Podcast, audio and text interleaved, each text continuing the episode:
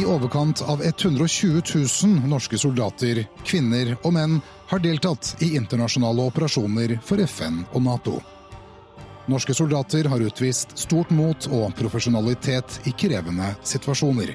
De har tjenestegjort på land, til sjøs og i luften. Noen kom ikke hjem. Andre fikk fysiske eller usynlige skader. Noen få er blitt hedret og æret som krigshelter. Felles for alle er viljen til å yte det lille ekstra for at andre skal få nyte den freden og friheten vi andre tar for gitt. Vi kan ikke tillate oss å glemme dem. De må få fortelle sin historie fra egen munn. Et øyeblikk, en evighet, gir deg norske soldaters mest intense øyeblikk. Øyeblikk som varer en evighet.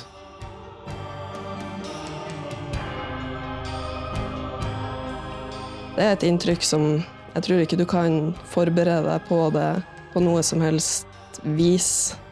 Og du må stå i det emosjonelle når hendelsen er der. Og allikevel så håndterte vi det her. Velkommen hit til Et øyeblikk i en evighet, og tilbake til bygning 1 her på Akershus. Jeg er Tom Amriati Løvaas, og med meg her i dag så har jeg rittmester Silje Johansen Villassen. Velkommen til deg. Jo, takk. Du er jo ikke bare veteran, du er jo stadig tjenestegjørende og er midt i en slags karriereløp. Men uh, før vi kommer tilbake til det, så, så, skal vi snakke om det som gjør deg til veteran. Og vi kan jo egentlig begynne med Du har to, to runder i Afghanistan? Eh, ja, det er riktig. Det var i, første runde var i eh, 2008, og andre runde var i 2010. Første runde så var jeg toppcover og junior eh, medic. Og andre runde så hadde jeg ca. samme funksjon, bare at jeg var senior medic. Så du var flink til å sy sammen folk som hadde fått hull i seg? Ja, prøvde. Da vi snakket sammen før, eh, før dette programmet, så, så, nevnte du en, eh, en, episode hvor du faktisk var under ild og ble skutt på. Vi kommer tilbake til den, men det som slo meg da, var dette du sa om å ta vare på, på medsoldatene dine, de som var rundt deg. Jeg tenker, Er det noe du har blitt opplært til fra grunnen av i Forsvaret, eller er det, er det noe som kom der og da? Nei, det er jo et mantra i, i, Forsvaret å løse oppdrag og ta vare på de du har rundt deg. Så det, det er en uh, ryggmargsrefleks som vi på en måte har med oss ifra, ifra dag én. Eh, som soldat så lærte jeg av eh, befalet mitt, og eh, som befalsskoleelev så lærte jeg av instruktørene mine. Så det er på en måte noe du har med deg hele tida, som blir forsterka når du er ute og løser oppdrag. Så denne refleksen med at du skal passe på andre, den er, den er der hele tiden? Ja, det vil jeg si. For å gå tilbake til Afghanistan, så var du på da en stormpanservogn? Nei, jeg var på Iveco. Ja, det er en liten pansra, pansra terrengbil. Og så havner dere opp i en, en, en, skuddveksling? Det har jo vært uh, noen av, disse, av, disse, skuddvekslingene, og på stående fot så er det litt sånn Hvilken jeg husker, husker, best? Det kommer an på hvilket ja, ikke perspektiv, men kanskje sinnstilstand sitter i. Altså, hvis jeg sitter i Lofoten og ser på naturen, så husker jeg kanskje skuddveksling tidlig på morgenen når eh, sola står opp, fjellene blir røde, det begynner å bli varmt. Altså, du har eh, veldig store kontraster i ørken. Hvis jeg tenker på dette med kameratskap, samhold og den type ting, eh, så drar tankene seg mot en situasjon der det skulle være valg, vi hadde et bidrag som var, var i Gormak, og vi var i Faryab. Og de som var i Gormak, var i veldig intense kamper.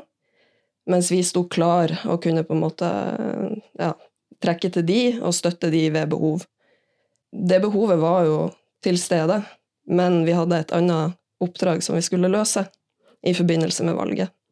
Så å kjenne på at du vet at dine medkollegaer har det veldig kjipt og trenger hjelp, at du ikke har muligheten til å støtte, det er noe jeg tenker mye på. Og dere kom til unnsetning der det var behov for det?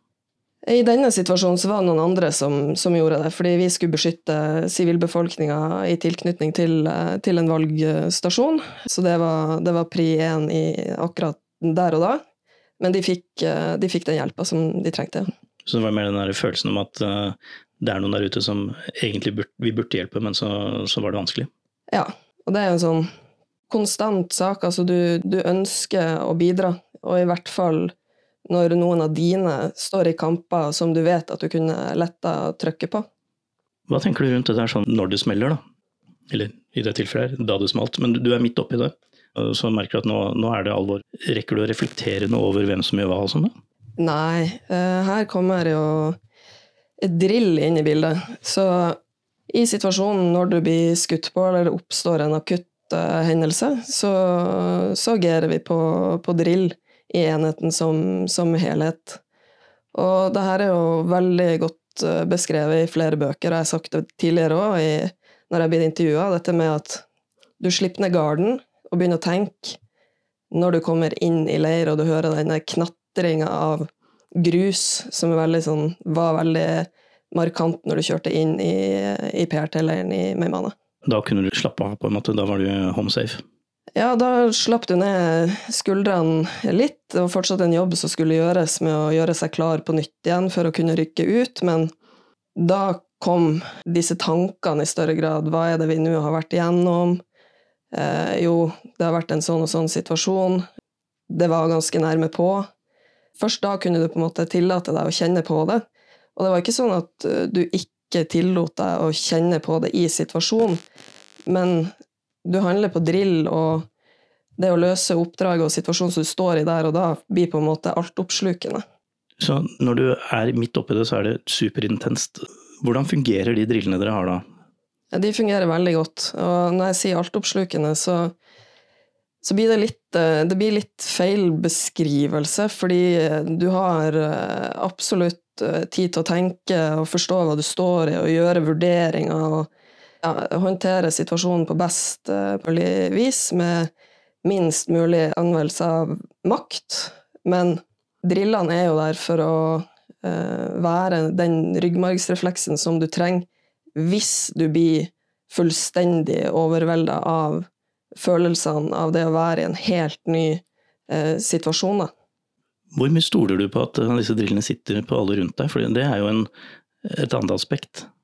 Jeg har, eh, når vi har reist ut, alltid hatt 100% tillit til at de vi reiser ut med, er trent og drilla i god nok grad til å håndtere de situasjonene som vi kan komme til å møte i de oppdragene som vi har vært ute i. Du har vært da 200 i Afghanistan, og du har vært i strid, som det heter. I hvert fall eh, vært i skuddvekslinger. Og så har du fortsatt karrieren din eh, i Forsvaret. Og, og, du har vært stasjonert også i eh, bl.a. Litauen, TMB-en. Ja. Hvor mye av det du opplevde i Afghanistan har du tatt med deg videre i det du har gjort i etterkant? De fleste, eller eh, all erfaringskompetanse fra Afghanistan, både forberedelser, utøvelse og etterarbeid, har jeg, har jeg med meg i daglig, daglig virke, skal jeg til å si. Eh, og det er jo fordi Eh, det er jo summen av erfaringer som du har gjort deg sjøl, leste erfaringer og teori som gir deg en eh, Ikke en handlingsbank, men en sånn total erfaringsbank som du, som du kan hente inspirasjon ifra når du står i nye situasjoner. Jeg tror det gjør deg Eller jeg føler i hvert fall at det gjør meg mer Jeg har en annen tilnærming til å løse oppdrag nå enn det jeg hadde tidligere. Og det er for at jeg har lært mer. Både ved å være ute, på krigsskole, eh, i de forskjellige jobbene jeg har hatt, og ikke minst gjennom møter med kollegaer og folk generelt i, i tilknytning til uh, yrket. F.eks. da du ble stasjonert i Litauen. Da hadde kjøretøyet blitt litt større siden sist? Ja, da hadde vi en, den første deployeringa med, med stridsvogn som Norge har hatt uh, i nyere tid. Da var jeg troppssjef på, i en stridsvognstropp i, i, et mekanisert kompani. Hva betyr det for de som ikke er inne i kavaleriet her? Det er jo det tyngste kjøretøyet som vi har. Du leder en firevogners tropp som ikke er så stor. Det er 16, 16 mannskaper, inkludert uh, meg sjøl. Fire befal. Og det er spydspissen i, i landmakten i dag, sånn ifra et materiell perspektiv. Ja, for det, dette er det største vi har som kan rulle av seg selv over bakken? Ja, det er korrekt. Noe av det mest heftige du kan begynne å skyte med også, vil jeg tro. Absolutt. Så du er sjef på det. Og så blir du sendt til Litauen som en del av Natos støtte mot øst. Ja. Hvilke refleksjoner gjorde du deg da når det var oppdraget? Her skal jeg være. Hvis det blir behov for meg, så er det en ugrei ting å være i. Ja, vi Nå sier jeg vi, fordi det var jo enheten som, som helhet og, og jeg sjøl, da. Tenkte jo at ja, det oppdraget her er jo likt de andre oppdragene som vi løser, fordi den ytterste konsekvensen uansett når vi deployerer, er jo å ta eller miste liv. Så uavhengig av hvilken plattform du er på, så er konsekvensen den samme. Det er bare rammen som er, som er større, og brutaliteten som er ja, mer omfattende, da, potensielt. Å være troppssjef for fire vogner, ganske mye Ganske høyt nivå på, på alt du skal gjøre. Hvordan takler du det ansvaret som du, du sitter på akkurat der? Er det så enkelt som at du bare følger ordre, eller er, det, er du, er du sånn, har du fullstendig grep om alle situasjonene? Nei, på ingen måte. Og det er jo derfor det er så fint å ha en, ha en tropp og en avdeling og en makker. Og det er jo fordi at uh, vi løser jo de oppdragene her uh, i lag. Og uh, sjøl om det er én som er leder, så løser vi det jo sammen. Og hvis jeg var i, i, tvil, så hadde jeg 15 mennesker jeg kunne rådføre meg med. Og her tenker jeg også uavhengig av, av grad, for det er ikke bare det rent militære du trenger Altså militærfaglige du trenger å rådføre deg trenger råd innafor, men det kan også være mellommenneskelige perspektiver. Som befal og som kvinnelig befal i en skal vi se, Du kalte det spydspissen, veldig operativ avdeling. Har du opplevd at det å være kvinnelig befal er en pluss, eller har det vært et minus? Altså, er, du først og fremst soldat? Jeg er først og fremst soldat. Det, bare, det, det er det riktige svaret. Men jeg har jo opplevd eh, både plusser og minuser ved å være jente i Forsvaret og i Hæren på samme måte som at jeg tror det er flere menn som har opplevd akkurat det samme. Og det skal sies da at jeg har ingen store negative opplevelser som påvirker hvorvidt Eller har påvirka hvorvidt det her var riktig karrierevalg for meg. Da er det heller andre, andre ting som uh, får vekt på, på vektskåla der. Så som kvinne i Forsvaret så opplever ikke jeg det problematisk. Men det betyr ikke at uh, det ikke finnes uh, områder som Forsvaret, som mange andre organisasjoner, skal fortsette å jobbe med. Det kommer flere og flere yngre befal uh, av begge kjønn som har erfaring fra deployering i utlandet, men som også ønsker en karriere etterpå. Tror du det er viktig for dere at dere har den ballasten med å ha vært deployert i f.eks. Afghanistan, når dere nå går videre inn i fremtiden? Ja, det tror jeg. Jeg tror det er viktig for, eh, for alle militære avdelinger å ha med, seg, ha med, seg, historien og verdsette historien. Fordi i, i perspektivet krig så, så, vet vi veldig lite om hva neste krig vil eh, inneholde.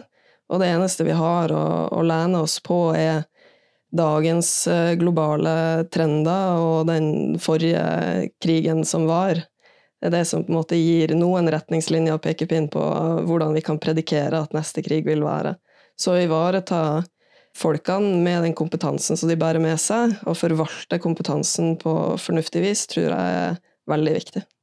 Og Du fortsetter jo karriereløpet ditt nå med, med videre studier, eh, også i utlandet. Men hvis du skal prøve å se inn i krystallkulen eh, eh med alle de parameterne som kanskje kommer, vil vi fortsatt ha behov for en kraftig landmakt om fem til ti år?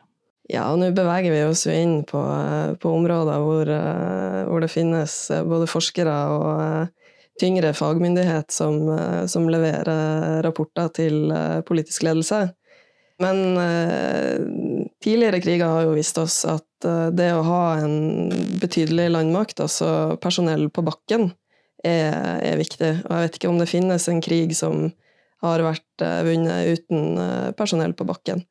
Og det er jo også dette med å interagere med sivilbefolkninga, for sivilbefolkninga er jo kanskje den største delen av eh, vekta på skåla som utgjør hvorvidt du vil eh, vinne, vinne eller uh, tape.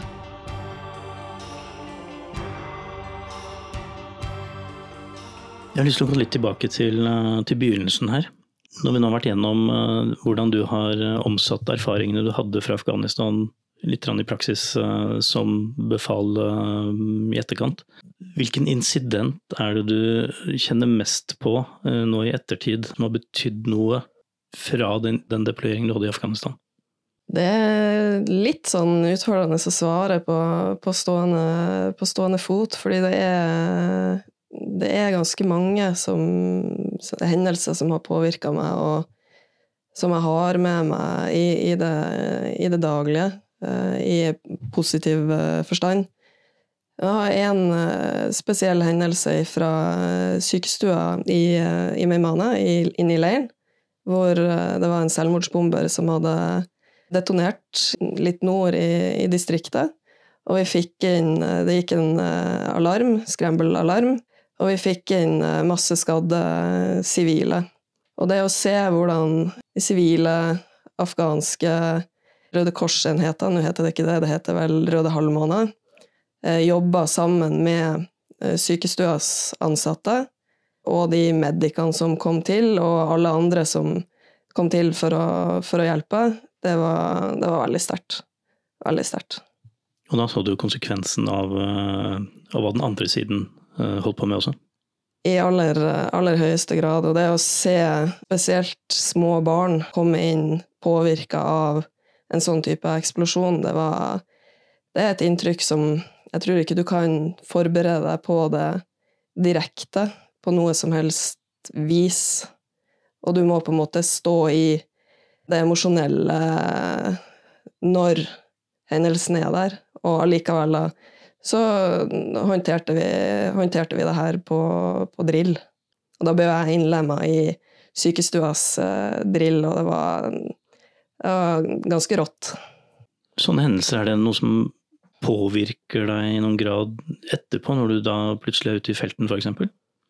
Ja, for du ser jo Vi fikk jo ganske ofte innsyn i, i den ytterste konsekvensen ved å oppleve skadde afghanere, og hvordan afghanerne var påvirka av situasjonen i landet som, som helhet. Da. Og det å forstå folket fikk for min del større og større og større verdi, da. Så jeg gikk jo så langt at jeg prøvde å lære meg dari, sånn at jeg kunne gjøre meg forstått, før jeg reiste ut i 2010. Hvordan går det med den, eh, den delen nå? Det går ikke så veldig bra. Nei, jeg har mer behov for engelsk her hjemme, kanskje?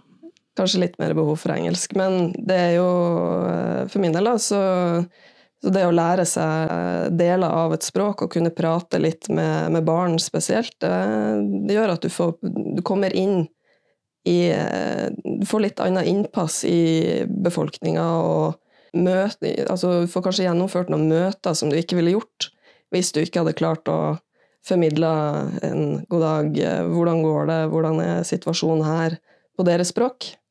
Ja, alle burde jo egentlig ha en basic liten basic eh, når de er ute og, ute og farter uansett. Ja, jeg har trua på det, i hvert fall.